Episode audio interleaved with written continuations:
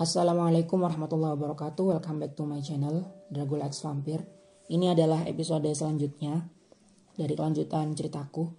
Uh, buat kalian yang baru bergabung di YouTube ini, yang belum subscribe, please ya di subscribe karena subscribe itu gratis dan tekan tombol loncengnya biar kalian gak ketinggalan update terbaru, update video terbaru dari aku. Uh, mau juga dong ini di like dan mau juga dong kalau ini di share share ke seluruh teman-teman kalian, share ke seluruh sosial media yang kalian miliki. Oke. Okay? Bismillahirrahmanirrahim. Uh, malam itu semua santri yang akan ikut lomba gerak jalan wajib berkumpul di aula SMA. Malam itu adalah final check. Entah kenapa aku tak konsen malam itu. Mataku jelalatan ke sana kemari mencari yoga. Gara-gara jus alpukat itu aku terus kebayang dan kepikiran yoga. Tapi doaku tetap sama. Mudah-mudahan aku dijauhkan dari hal seperti itu lagi.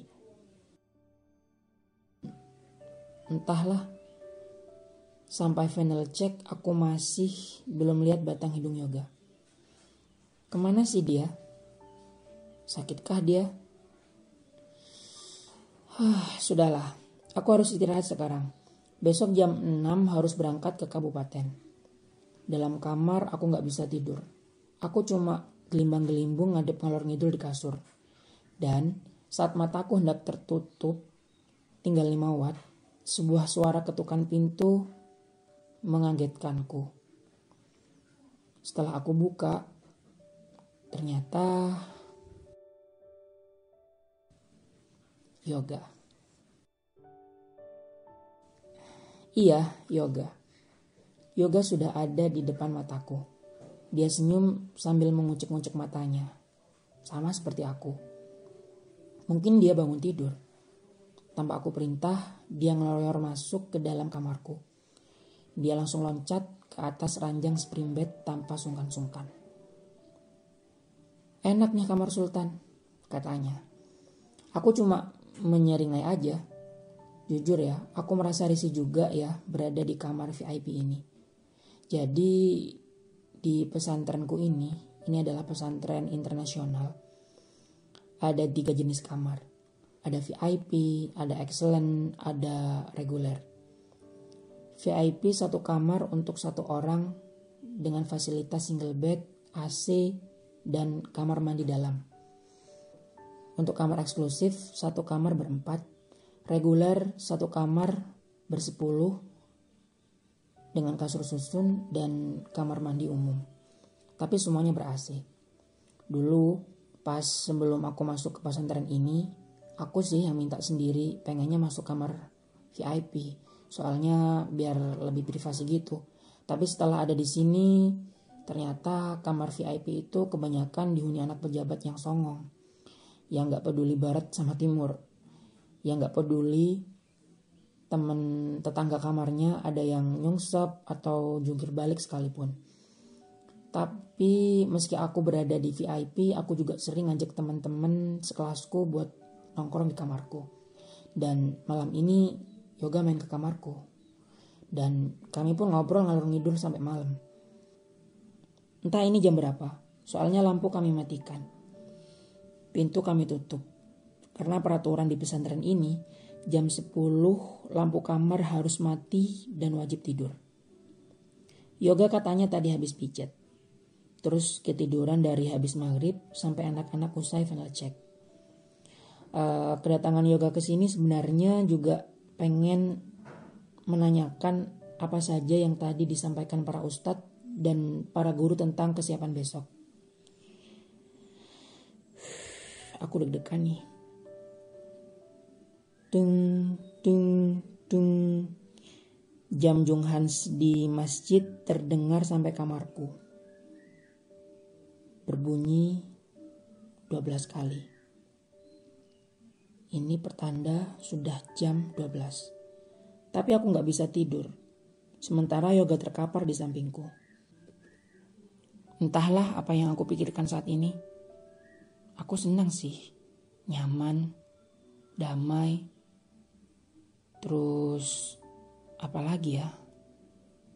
ya deg-degan yang bikin ketagihan.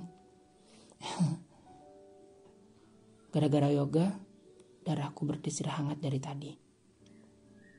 Tapi di sisi lain aku takut. Aku takut hal itu terjadi lagi. Ya Tuhan, aku masih selalu ingat dengan doaku itu. Aku harus bersikap biasa.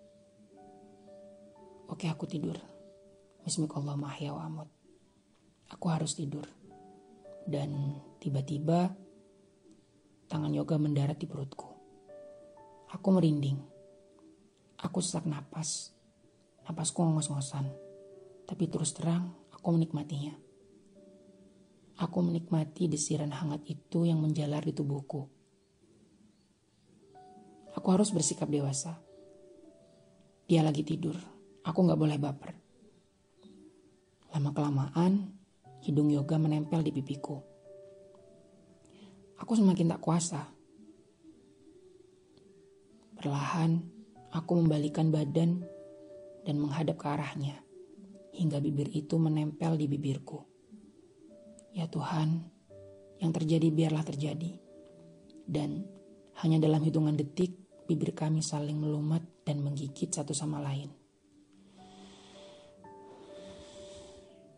Ya Tuhan, maafkan aku. Maafkan aku.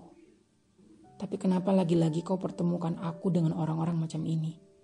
Kenapa harus selalu terjadi hal ini di hidupku? Ada berapa banyakkah di dunia ini orang seperti ini? Ada berapa banyakkah orang model seperti ini di sekitarku? Dan malam itu kami habiskan dengan berciuman dan berpelukan. Tak ada kata, tak ada suara. Yang ada hanya degup jantung kami yang saling beradu. Entah ya besok ini gimana.